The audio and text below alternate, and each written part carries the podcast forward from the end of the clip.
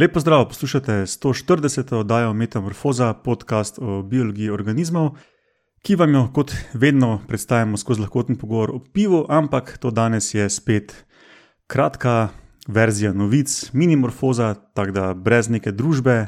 Se pravi, spet na hitro, nek povzetek eh, petih novic, ki so zanimive, ampak se niso uvrstile v glavno oddajo Metamorfoza. Kar začnemo. Novica ena. Ko govorimo z dojenčki, ljudje spremenimo način govora in barvo glasu. Dosti živali uporablja oglašanje za sporozumevanje s svojimi mladiči, je pa skoraj neraziskano, ali tudi živali uporabljajo nek tak tip, če temu rečemo, otroške govorice. Netopirji so ene od živali, ki pod narekovaji govorijo s svojimi mladiči, in v novi raziskavi ugotavljajo, da mame netopirjev res uporabljajo otroško govorico. Klici netopirjev mamic so bolj podobni klicem njihovih otrok, kot pa tistim klicem, s katerimi se sporozumevajo odrasli netopirji. Novica 2. Živali, ki gnezdijo v prsti v zemlji, naprimer mravlje, so v nevarnosti, da se okužijo s patogeni, ki so v prsti pogosti. In en lahki način, da preprečijo okužbe, bi lahko enostavno bilo izogibanje tem patogenom. No, in ravno to hipotezo, to izogibanje patogenom, so v novi raziskavi testirali na mravlji vrste Solenopsis invicta.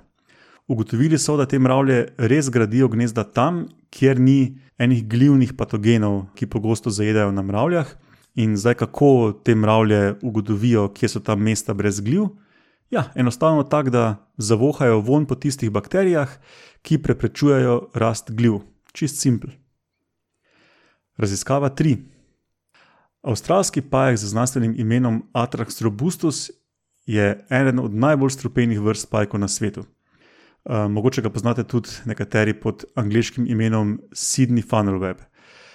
Strup samcev te vrste je za človeka približno petkrat bolj močen od strupa samic, in polna doza tega strupa lahko človeka ubije v samo nekaj urah.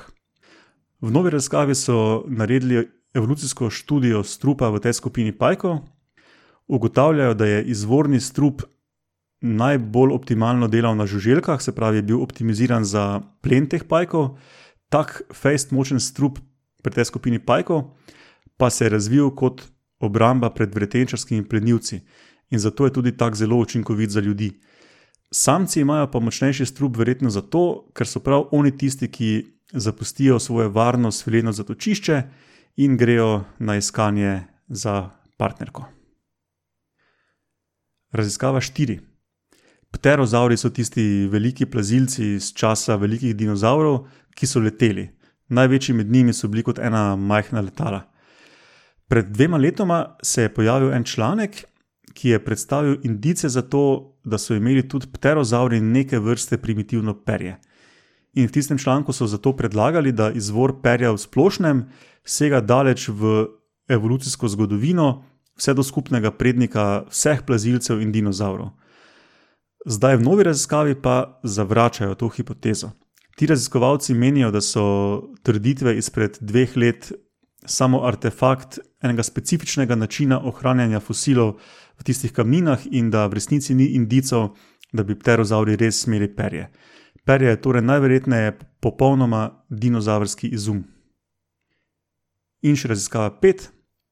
Ko se socialno monogamne živali parijo, se v neki točki srečajo z odločitvijo o tem, ali naj za novo parjenje obdržijo trenutnega partnerja, ali pa si raje poiščejo novega partnerja. In evolucijska teorija predvideva, da uspešno parjenje vodi v zadržanje trenutnega partnerja, neuspešno parjenje pa vodi v menjavo partnerja. No, v nedavni raziskavi pa zdaj predstavljajo ptiče močvirnike, kjer je pa ravno obratno. Tisti pari, ki so se ravno kar uspešno parili in vzgojili potomce, ti pari pogosteje menjajo partnerja. Pravi, v teh parih osebki pogosteje zapustijo trenutnega partnerja in si poiščejo novega. Eh, takšni osebki, ki partnerja menjajo, imajo v pritveni sezoni v povprečju tudi več potomcev. Ok, to je to za danes. Eh, Metamorfoza gostuje na medijskem mreži Metina Lista. Hvala vsem poslušalcem za komentarje, deljenje, takšno in drugačno podporo in se slišimo prihodnjič.